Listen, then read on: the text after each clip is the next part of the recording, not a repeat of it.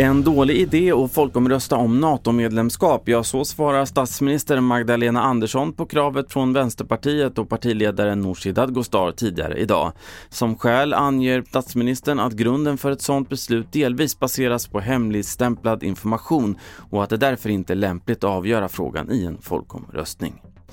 Den man som häktats misstänkt för våldtäkt och mordförsök efter att en kvinna hittats i ett gruvhål utanför Norberg är tidigare dömd, rapporterar Dagens Nyheter. Det handlar om grov olovlig körning och narkotikainnehav, men inget våldsbrott. Han har dessutom beslut om utvisning efter att ha nekats asyl. Sist om att allt fler äldre säger att de inte orkar jobba ända fram till pensionen enligt en ny rapport från Arbetsmiljöverket.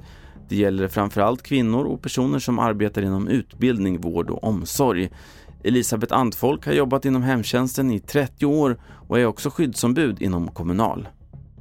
Vi kommer att jobba sönder våra kroppar och sen sitter vi där trasiga och fattiga och har ingen möjlighet att ha en god och värdig eh, liksom, ålderdom. Fler nyheter i appen TV4 Nyheterna. Jag heter Carl-Oskar Alsen.